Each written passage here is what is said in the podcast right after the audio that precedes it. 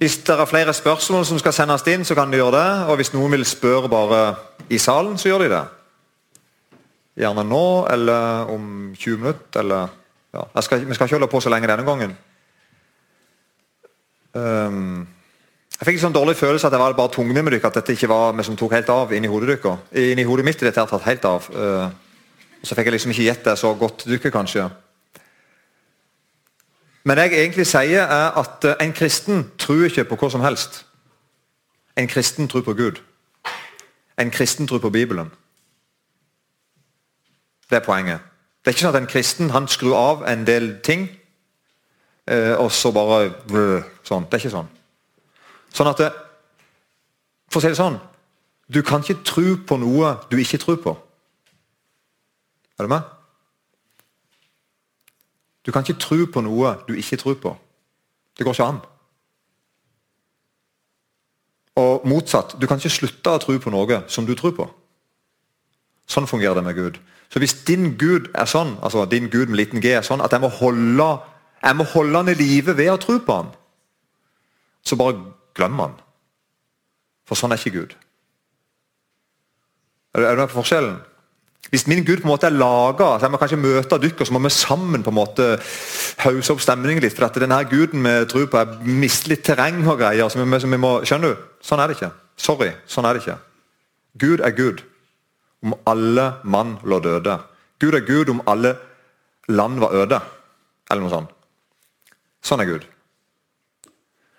Og For meg var det befriende å oppleve. Det er sånn det er. Gud fins. Det er ikke noe jeg skal han bare fins. Og så er han sånn som Bibelen presenterer at han er. Og det er helt fantastisk. Og så vil jeg bare si, Dette er bare en parentes, men jeg vil si den. Uh, det er alltid farlig når jeg ikke har forberedt meg, for da begynner jeg å blingse litt. Men uh, jeg skal si det likevel, for jeg tenkte på det i bilen på vei bort. Det må jeg si. Den her er bra. Neida. Hvis hvis jeg skulle overta Sandnes kommune Ja, jeg har tenkt litt på det. Og så fikk jeg beskjed om at jeg skulle la oss si da, at jeg skulle kristne Sandnes kommune. Jeg fikk, jeg, fikk, jeg fikk, lov til at Kan ikke du prøve å kristne Sandnes kommune? Så tror jeg faktisk at jeg ville ha gått inn på offentlig skole, som da jeg rulte, jeg eide de, og så hadde jeg, sagt, hadde jeg tatt ut uh, kristendomsundervisning. Jeg hadde tatt ut religionsundervisning. Bare heve det ut. Og så hadde jeg dytt dytta inn Gud i alle fag. I virkeligheten til alle elevene. Skjønner du? Det som skjer nå er at Vi, har altså, vi, har altså, vi går mange timer i uka på skole. og I to timer i uka lærer min tolv år gamle sønn litt om jødedom, buddhisme, ateisme, kristendom og jeg ikke vet det jeg kan lære om. En haug med ting. To timer i uka gjør han det. Men resten av timene, resten av fagene, de er jo aldeles gudløse. Skjønner du ikke? Sånn at Det å ha to kristendomstimer i veka, det kan nesten være mot sin hensikt etter hvert. For Jeg lærer som en gud som i neste time jeg får høre ikke fins på ordentlig. Skjønner du? Han er, er ute av systemet. Og så kjemper vi vi må ha én time til med kristendom. Ja, så fint. Så får vi tre timer med kristendom. Fortsatt så lærer du altså i alle andre fag. I norsk, i historie, i alle naturfagene, i geografi. I alle fag så er Gud vekke. Han fins ikke mer. Og De gangene du leser om kristne i lærebøkene til alle mine tre unger Jeg har lest gjennom bøkene dine. Det er stort sett bare drittbøker når det kommer til kristendom. Fins det et eksempel på en, en eller annen kristen dude i historie, så er det en tosk. Som drepte noen og slo noen og gjorde noe teit. Er det ikke det? Så det er bare mellom versene. Hva er det jeg snakker om nå? Dette er propaganda. Dette er propaganda. Dette er manipulering på høyt nivå. Det er mine unger vært utsatt for alle, alle, årene på skolen. Helt klart. Nå kommer jeg fra ei lita bygd der mange lærere hever seg over det og på en måte ikke bryr seg om uh, bøkene så godt. Men bøkene legger opp til det at du kan gjerne høre om Gud og labbetuss og julenissen og andre rare ting et par timer i uka. Det går greit. Men det fins ikke på ordentlig. Er du med? Det, det her hisser meg noe helt vanvittig. Så altså, Hvis jeg skulle ha på en måte, Hvis jeg skulle ha innført min måte å, Hvis jeg skulle ha innført på en stygg måte, altså, min tru, så hadde jeg gjort det sånn som vi opplever i Norge i dag. Det er juks, og det er feigt. Og det er manipulerende. Helt klart. Jeg har sendt mail til ungdomsskolen der min eldste sønn gikk for noen år siden, og spurt dem hva har du ikke tenkt å fortelle til min sønn og de andre i klassen hva, og hva som skjer når de dør. For I boka deres står det at vi er dyr, vi er, vi er ikke ønska av noen, vi er bare tilfeldige. Vi har bare kjempet oss fram og krafset oss fram i naturen og drept noen andre dyr som er dummere enn oss. Og er de klokeste dyrene, sånn cirka, kanskje. Delfinene er visst kjempesmarte, visstnok. Så kanskje de snart overtar verdensherredømmet. Men hva har de ikke tenkt å fortelle min sønn hva som skjer når han dør? For eksempel. Er, det, er ikke det en grei spørsmål? Jeg vil ikke diskutere det. Så det, det vi opplever nå, det er, mener jeg er manipulerende. Helt klart. Det er en, det er en makt, uh, maktkamp og en arroganse som vi opplever. Så kommer underholdningsbransjen, og så kommer alt. Og Gud fins ikke mer. Og på en måte vi er kristne vi aksepterer det. Men vi bare slåss for at vi skal iallfall feire jul, for søren. Og så går vi hen og har julenisser og ikke vet jeg, all slags fjas i håp med de andre likevel. så hvorfor skal vi egentlig feire jul? Men skjønner du ikke, Vi skal iallfall ha julegudstjeneste. Ja, mulig det. Mulig at vi skal det. Mulig det er bra, det. Jeg vet ikke. Jeg vet ikke om jeg vil sende ungene mine i kirka heller lenger. for å si det rett ut. Men det er en annen ting. Men skjønner du ikke hva jeg mener? Vi må få inn igjen det at Gud fins på ordentlig. Helt på ordentlig! Han fins alltid. Og jeg er klar over at når jeg, skal, når jeg, skal, si det til noen, så må jeg forkynne det. Jeg kan ikke stå og lyge og si at vi har bevist det. Sånn, når en, når, hvis jeg, jeg, Dette har diskutert med skolen, og jeg tror ikke de, for å si det rett ut, jeg tror ikke de skjønner det. helt ærlig. Jeg har sagt til skolen, flere skoler eh, at det må jo være bedre at en, at en forkynner kommer inn i klasserommet og sier god dag, jeg heter Asbjørn, jeg skal forkynne noe fra en bok jeg tror på. Det må jo være bedre for elevene å høre det og ta stilling til det. Vi fikk besøk av en forkynner, han trodde på Gud og fortalte fra Bibelen. ikke sant? Det går an å forholde seg til det. Det er ikke juks, det er ikke ljug. Men der, der står en lærer og forteller at i dag vet vi at Gud ikke fins. Det er ljug, og det er juks. Og Det tuller med unger på 10 år og 11 år og 20 år og 30 år. De kan nesten begynne å tro det. Er det ikke med? Så Dette er på en måte en motsatsen. Nå kjenner jeg blir veldig sånn sint av meg. og det, det beklager, men jeg, jeg, blir faktisk jeg blir skikkelig sint. Um, for de kødder med ungene mine. Ja. Og det er usaklig. Og det verste av alt, de tror de har rett. Så Det er en slags fanatisme i det. Vi vet at Gud ikke fins. For en kørka påstand! Altså, For en kørka påstand å si! Vi vet Gud ikke fins, det er bevist. Å, vær så snill. Hvis du vet det, så må du jo være Gud da, i tilfelle, for å vite det. Og da fins han jo. Altså, Har du over alt og sjekka at Gud ikke fins? Det, det, blir for dumt. Men vi kjøper det. Vi kjøper det. Skal vi tro på gamle bøker? Ja, hvorfor ikke? Det bra, Bibelen er en gammel bok. Ja, hun er faktisk steingammel. Det er faktisk litt av poenget. for å være helt ærlig. Hadde du dumt hvis Bibelen var fra 1982? Ja, det hadde jo det. Så det er så mange ting der vi kristne vi kjøper det, vi tror på det, vi aksepterer det. Og så slåss vi på Vi skal iallfall ennå ha nissen igjen. eller vi skal, skjønner du? Glem det der. Er du ikke med på det? Kan Vi ikke, vi må finne en måte å gjøre dette her på. Der vi bare bøyer oss ned og sier Gud, du fins jo! Du er der jo hele tida! Hvorfor roper jeg? Du er der hele tida. Han kunne ha skrudd ned, syns jeg. Er du ikke med på den? Og så må vi forkynne det. Vi må bruke altså, Ikke skitne knep. Ikke finne meg som et flertall. Ikke begynne å mobbe de som ikke tror. Forkynn det som Bibelen sier. Bli kjent med Bibelen. Fortell det. Tro på det. Lev etter det. Lev for det. Lev av det. Det er det som trengs. Da vil vi avkle juks. De vil stå igjen som løgnere. Både de som vet de lyver, og de som ikke vet de lyver. Der er noe etter døden. Og Jeg vil fortelle deg det. Jeg vil fortelle hva jeg tror. Jeg vil fortelle hva jeg tror faktisk er sant. Jeg vil fortelle deg det. Og Da kan du velge å tro det eller ikke tro det. Det er de to valgene du har. Sannheten blir forkynt enten til tro eller til ikke tro. Det blir presentert for deg. Og Hva er det egentlig vi trenger Den hellige ånd til? da? Jo, det er et under når en som ikke tåler sannheten, begynner å elske sannheten. Det har skjedd med meg. Det er jo det som er det store underet. Jeg hørte Gud sa noe, og jeg likte det ikke. Men så kom Den hellige ånd, og så overbeviste han meg om det. sånn at Jeg var nødt til å bli enig allikevel. skjønner du? Jeg ble tvungen til å tro, egentlig. På sett og vis. Jeg, jeg ga meg, altså. Du er rett, Gud. Det er jo det det handler om. Og det er et under. Jeg som var ugudelig, og som ikke søkte Gud, og som forvill, jeg elsker nå Gud. Er du med? Fra døden til livet. Fra mørket til lyset. Alt pga. Guds ord. Og Da tenker vi særlig på Den hellige ånd gjorde noe sånn at jeg, jeg kunne ikke komme utenom det lenger. Jeg skjønte det før òg, men det var kanskje det som var det verste for meg. det var nettopp det Jeg gjorde. Jeg skjønte det. Jeg likte ikke. Det var mange ting jeg ikke likte. Og så ga Gud rett. Og Jeg er så glad for at jeg, at jeg har en Gud som ikke på en måte trenger hjelp til å være Gud. Skjønner du ikke? Han trenger ikke det. Han klarer seg utrolig godt sjøl på akkurat det området der med å være Gud. Så på en måte, jeg skulle til å si roe ned. altså. Bøy deg for ham. La han være, la han være Gud. Kjære Jesus, vær med det, med det jeg skal si mer om deg nå. Vær her. Hjelp oss. Amen. Jeg skal, nei, jeg på den. Ok. Jeg skal bare si litt grann, Hvor mye tid her nå, Eilert? Ti minutter? Nei, nei, det er forresten det er du som er sjefen. Jeg glemmer Eilert. Jeg bare kan navnet hans. Trond? Kvarter. ja. Jeg skal bare si litt om Jesus sin forkynnelse. For det har skjedd noe veldig rart med Jesus.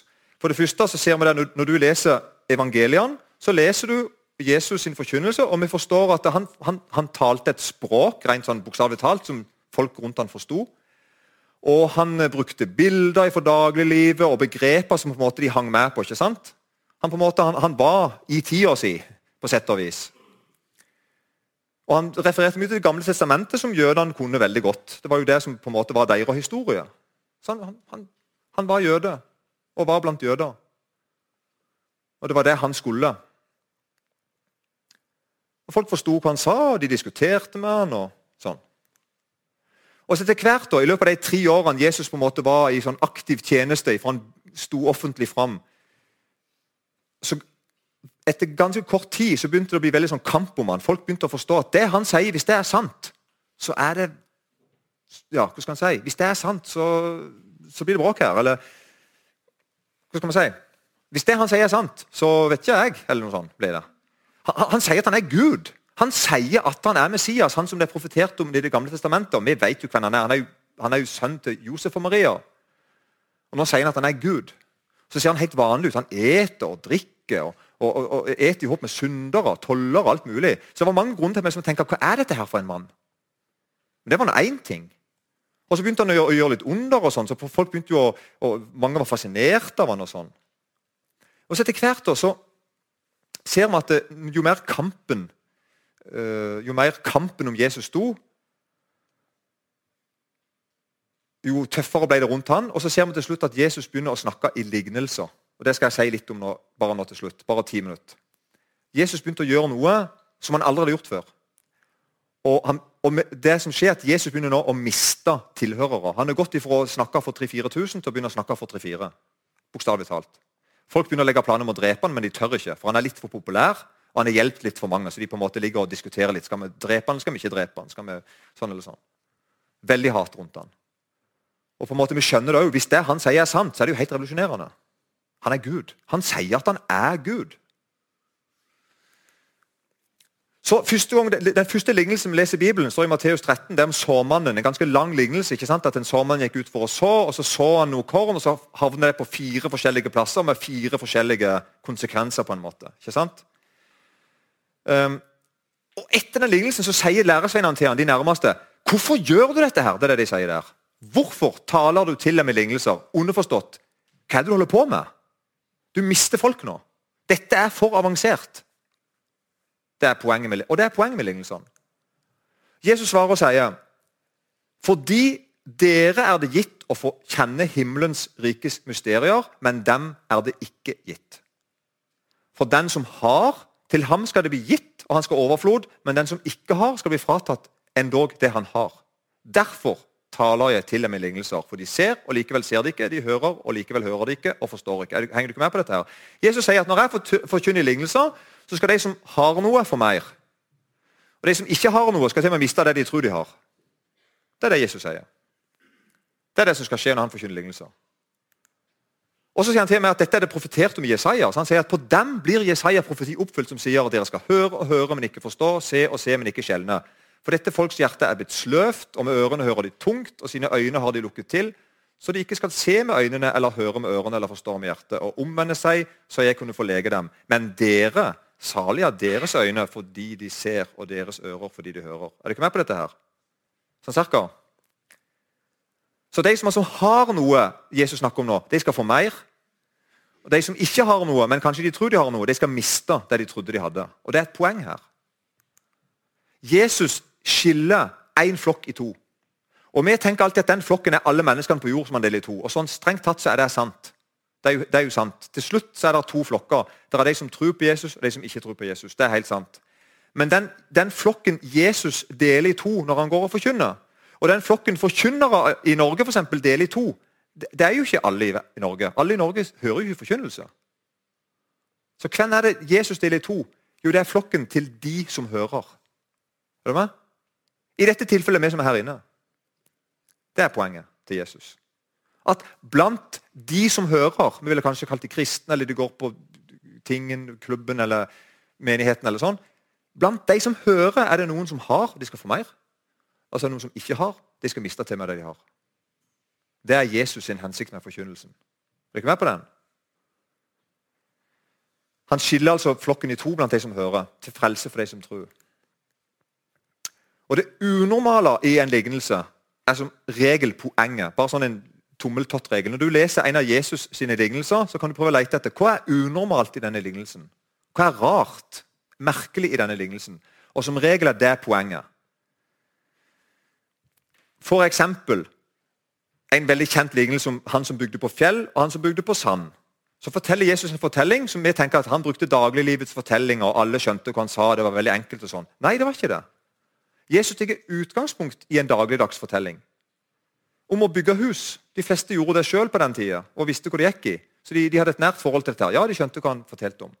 Så han sier da altså at det, derfor vær den som hører disse mine ord og gjør etter dem, han blir lik og så tar han nå et bilde, en lignelse. ikke sant? Han blir lik en forstandig mann som bygde huset sitt på fjellgrunn. Og regnet skylte, og flommen kom, og vinden blåste og kastet seg mot dette huset. Men det falt ikke, for det var grunnlagt på fjell. Du kan denne her fortellingen, sant? Og så, Men den som hører disse mine ord og ikke gjør etter dem, han blir lik en uforstandig mann som bygde huset sitt på sand. Og Regnet skylte ned, og flommen kom, og vindene blåste og kastet seg mot dette huset, og det falt, og fallet var stort. Altså hva er det rare i denne fortellingen? Jo, Det rare i denne fortellingen er at det var to menn med samme utgangspunkt. Begge, begge, to. Begge to skulle bygge et hus, og begge to visste hva de skulle gjøre. Så det rare i denne fortellingen er hvorfor bygde han ene på sand? Er du med? Og det er poenget. Hvorfor bygde han på sand? Var han dum? Var han dårlig? Nei. Hvorfor begynner han på sand? Her forteller Jesus en fortelling om to stykker som bygger hus. og Så går en hen, og så bygger han hadde samme utgangspunkt som den andre. hadde samme vilkår. Så kan han gjøre noe kjempeteit. Og så visste de selvfølgelig Hvis han bygger på sand, så vil den dagen komme med nok uvær og nok regn, og sånn, så vil det huset kunne gå på sjøen. Eller vekk. Hva er det Jesus forteller her? Jesus forteller, her, forteller ikke her at det, du må høre på Bibelen, for da bygger du på fjell. Nei, det er ikke det Jesus sier. Jesus sier at alle, begge disse to mennene hører på Bibelen. Men vær den som hører disse mine ord, og gjør etter dem. Hva er forskjellen? Hvem er det? Det er noen som hører Jesus sine ord og gjør etter dem. Han er lik en mann som bygde huset sitt på fjellgrunn. Men det å høre Jesus sine ord og ikke gjøre etter dem, det er han som bygde huset sitt på sandgrunn. Så her altså, Poenget til Jesus er det unormale i fortellingen. Hvorfor gjorde en mann sånn? Jo, for Jesus forteller noe. Det er noen her inne som gjør sånn. Det er jeg helt sikker på. Du veit hva Jesus sier, men du gjør ikke etter det. Du blir lik en mann som går og bygger huset på, på sand, og du veit sjøl at det kommer til å rase. Når, når uværet kommer, så raser Du veit jo sjøl. Du veit det er sand. Skjønner du? Da sier Jesus, ikke gjør det mer. Du må høre ordene mine, og så må du gjøre etter dem. Sånn forkynner Jesus. Og Da setter altså Jesus skille blant de som hører. Det er noen som hører og ikke gjør etter det, og så er det noen som hører og gjør etter det. Der er, der er skillet. Fantastisk forkynnelse til Jesus. og Alle forsto det, og det gjorde noe med alle, og de histe seg. Og det, det, er veldig ofte at folk hisser seg på meg på dette her. Det er ikke kødd engang. Altså, De blir sinte på meg og sier ja, men det står ikke noe i Bibelen at vi skal gjøre det. Jo, har du ikke sett det? Står akkurat nå. Ja, men det er jo ikke sånn det funker. Vi skal jo bare tro. Ja, Jesus da, Har han feil? Er det feil han sier? Eller mener Jesus dette? For det å høre Jesus sine ord og ikke gjøre etter det, det er det samme som ikke å tro. Det er det samme som ikke å høre Jesus til. Om du så kan Bibelen utenat, men ikke gjør etter det. Det får ingen konsekvenser i livet ditt. Så sier Jesus da har du bygd huset ditt på sandgrunn. Og takk og lov at Jesus har sagt dette. Dette har frelst millioner av mennesker. dette her, blant annet. Når det går opp for meg at jeg kan ikke bare gå rundt og holde en ting for sant. Det er ikke det som frelser meg. Er, det er evangeliet. Det er det at jeg faktisk er blitt født på ny. Jeg får del i dette her. Så jeg er en ny skapning. Det har skjedd noe nytt med meg. Det er ikke bare at jeg har tatt meg sammen og blitt annerledes. og jeg er seriøs. Nei, nei, nei, nei. Jeg er blitt født på ny av Den hellige ånd. Dette gjør forkynnelsen. Forkynnelsen kommer av troen. Nei, troen kommer av forkynnelsen. Troen kommer av forkynnelsen. Det er det forkynnelsen vil gjøre. Forkynnelsen vil fortelle deg noe, og så vil han føde deg på nytt. Var ikke med på denne her? Dette er veldig viktig. Jeg vil være lik en mann som bygde huset sitt på fjellgrunn. Så hvis du sitter her og vet at jeg bygger på sand, kan ikke du bare slutte med det nå, f.eks.? Eller nå? Bare gjør det. For det, det funker ikke. Du vet det sjøl at jeg, jeg, bygger på noe fjas. Det er, ikke, det er ikke som det skal. Bare, bare slutt med det. Og så, og så, begynner vi på nytt. Det er sånn det funker, altså. Jesus, jeg vil, jeg vil være hos deg, og jeg vil, jeg, vil, jeg vil, mer enn bare høre hva du sier, og forstå at det er viktig og alvorlig. eller Jeg vil bygge på fjell. Jeg vil gjøre etter det. Jeg vil leve sånn som du vil jeg skal leve. Og dette Nå går det ikke an å forklare lenger hva Gud kan gjøre med mennesker. Når vi kommer her, da på en måte melder vi pass. Oi, hva nå som skjedde? Han er jo helt forandra. Ikke sant? Hva det, det her for noe? Og Det er ganske kult når det skjer. Og det skjer veldig ofte. Det skjer mange ganger til dagen i verden. Mange, mange millioner. Fikk helt forandra liv. De møtte Jesus. Så dette her er saker. Dette her ordet her er altså en sprengkraft. Det forandrer nasjoner, det forandrer familier, det forandrer enkeltpersoner sin liv. Det forandrer hele historiebøkene. For det er sant, det som står Det, det er på ordentlig. Så enkelt som det.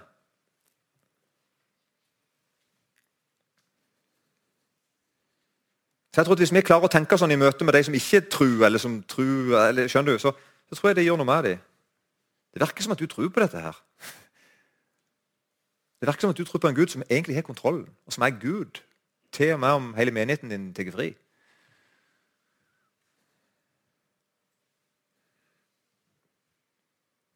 Det var vel egentlig det jeg ville si. Rundt. Skal vi ta det en gang til? Nei. Nei Men det var, et, var det et spørsmål? Hvis noen vil snakke med meg etterpå, så setter jeg veldig pris på det. Jeg vet ikke hvor flink jeg har snakka med deg, men, men uh, jeg, det, jeg, det, liker jeg veldig godt. Og du kan ringe til meg senere eller sende en mail til meg. Eller... Setter, det liker jeg veldig godt. Eller snakke med noen andre som de har tillit til. Eller snakke med noen andre som du ikke har tillit til, mente jeg. ja. Ingen tok? Han var like gøy òg. Hadde du uh, et spør eh, spørsmål Det var kommet inn spørsmål?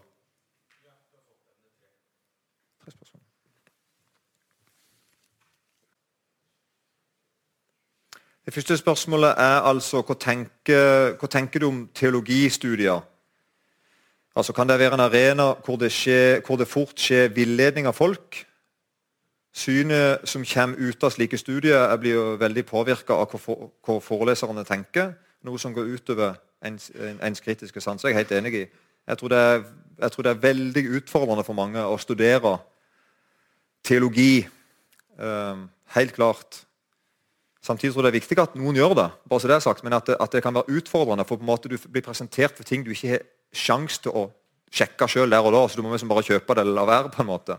Så ja, er, Jeg ser helt for meg at En jeg kjenner, for eksempel, han slutta på studiene. To jeg kjenner slutta på studiene, for de kjente at dette, det, jeg klarer det ikke. Altså, jeg, jeg, orker det ikke. Mens mange andre jeg kjenner, har jo gått på studier og tror jeg har kommet greit ut av det. Men at det vil være vanskelig i dag å ta teologistudier uten å bli forsøkt villeda ja, Å bli villeda, jeg ser helt klart at det er utfordrende. Så hva tenker jeg om det? da? Jo, jeg kjenner at uh, Hvis sønnen min kom hjem eller datteren min kom hjem og sa at de ville studere teologi, så kjenner jeg at jeg hadde fått litt sånn sommerfugl i magen. Går det bra, tro? For å være helt ærlig. Men at noen skal gjøre det for dem, ja, det tror jeg. Hvordan kan vi vite at kristendommen vi vite at, det er den, uh, at kristendommen er den rette trua, og ikke noen av de andre religionene? Ja, Det er jo et forferdelig stort og godt spørsmål. Og jeg må jo innrømme at, jeg, jeg, må innrømme at jeg vet ikke så mye om alle de andre religionene. Det må jeg innrømme. Og Det er derfor vi, er tenker at det er viktig, det jeg sa innledningsvis om hvorfor får muslimene muslimske barn og kristne kristne barn. Jo, det er jo fordi at foreldrene har den påvirkningen. Helt klart. Ikke sant? At Foreldrene og, og miljøet rundt en, en, oppvoksende liten pode eller jente vil påvirke den personen til å få et bilde av hvordan ting er. Og vil, ja, Helt klart. Så det det er jo et, det er jo et kjempeansvar jeg som far til mine tre. Har jeg gitt i et sant bilde, eller har jeg gitt i eventyr? Har jeg utrusta mine tre unger til å bli noen idioter, liksom? Eller har jeg gitt i noe som er bra og sant? Så jeg må jo si at Hvis jeg, hvis jeg møtte på en religion som jeg ble overbevist meg om at den er sann og ikke kristendommen, så hadde jo jeg slutta å tro på kristendommen. Altså, Jeg kan ikke velge å slutte å tro på en ting hvis jeg ikke tror på den mer. Altså, Hvis jeg hadde møtt noe sånn wow, dette tror jeg på, så hadde jeg jo selvfølgelig trodd på det. Men det gjør jeg altså ikke. For å være helt ærlig. Og, og um, jeg finner Bibelen veldig troverdig. Finner, for min del handler det veldig mye om, om de første kapitlene, om Gud, hvordan Gud er, og, og hvordan skaperverket er, og syndefallet.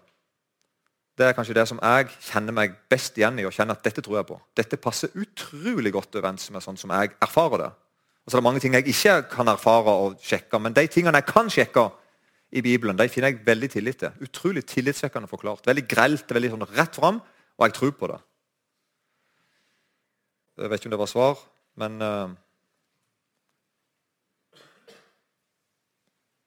I begynnelsen av foredraget ditt snakka du om argumentasjonsføring mot kristne utenfra. Men hvordan skal vi møte en slik argumentasjon?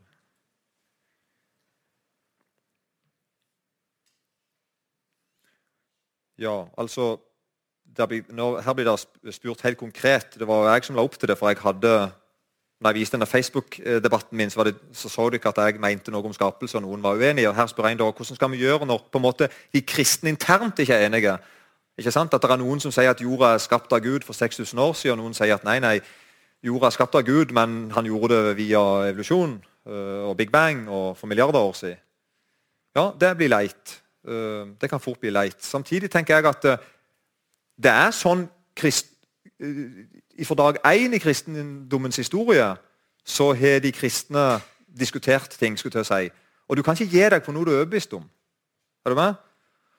Så jeg, jeg tenker at Det er tre religioner som skiller seg ut som bråkete. Det er tre bråkete religioner. Dette du, uh, hvis dette er feil, så er det så, nei, Nå siterer jeg kun meg sjøl, så jeg, jeg, skal legge meg flat med en gang hvis dette er feil. Så nå påstår jeg det da, at det er tre bråkete religioner i verden. Det er jødedom, kristendom og islam. Det er min påstand. Og Grunnen til det er at de tror på en bok. Så at det de, det, de, tror på, kan måtte sjekkes. Det blir veldig sånn, det blir veldig sånn uh, lett å diskutere i forhold til andre religioner som sier at uh, jeg tror på alt. Eksempel. det er veldig vanskelig å diskutere. Jeg tror på, sant? Det blir liksom ikke sånn veldig bråk av det. Er du ikke med på den? Så Derfor tror jeg at de, de tre bokreligionene på en måte, de framstår som bråkete. At Innbyrdes er det òg mening om det. Nei, det er ikke sånn det så videre. Mens uh, i andre religioner, mer sånn østlige religioner så har jeg inntrykk av at det er litt mer sånn fred og fillebom-bom på det området. At... Uh, det er litt, altså, ok, så, det, så, du har det sånn. Ja, men det er fint. Jeg har det, det sånn. Jeg sitter her borte, liksom. Så er det greit. Bare du er stille. Um, så det er, men dette, min, uh, dette, er mitt lille bilde sett ifra min uh, gutterommet mitt med YouTube-kontoen min. Så ser det litt sånn ut. Så Derfor tenker jeg at det er kjennetegnet i de kristne at de er nødt til å ta det de tror på, alvorlig. De er villige til å krangle om det og, og diskutere det, nettopp internt. Det hadde ikke tatt seg godt ut hvis de kristne var sånn at Er du kristen? Ja. Ok. Offisielt så er vi enige. Men på den høres helt teit ut. Jeg vil ikke være enig med alle de andre kristne. Det er ikke det jeg er kalt til å gjøre. Er det det? Jeg skal følge Jesus. Blir, men Det er en del diskusjoner som sikkert er tåpelige. Jeg er sikkert vært med på mange av de. Men, men jeg tenker likevel det kjennetegner kristne at det er veldig viktig det jeg tror på. Og Jeg er villig til å slåss for det. Jeg er villig til å drite meg ut for det. Og så er jeg med på at det går an å kjøre på andre måter òg, men da får du si det. da. Så får du slåss for ditt. Er du med? Så jeg tenker nettopp at den der Diskusjonen der er i kristne miljø er på en måte med på å vise at uh, vi er ikke en haug med hjerne, hjernevaska folk som bare går i flokk og følger en leder. Nei. Det er sånn at Vi har en del selvstendige tanker om det. Og noen er jo helt på, på trynet, da, spør du meg. uh, langt der borte. Uh, men ikke med? Det, det, er sånn. Så jeg tenker at det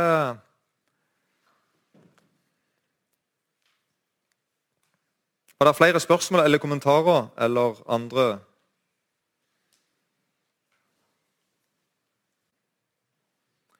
Da tror jeg jeg er ferdig, egentlig. Men som sagt, hvis noen vil stoppe igjen, eller sånn, så gjør jeg veldig gjerne det.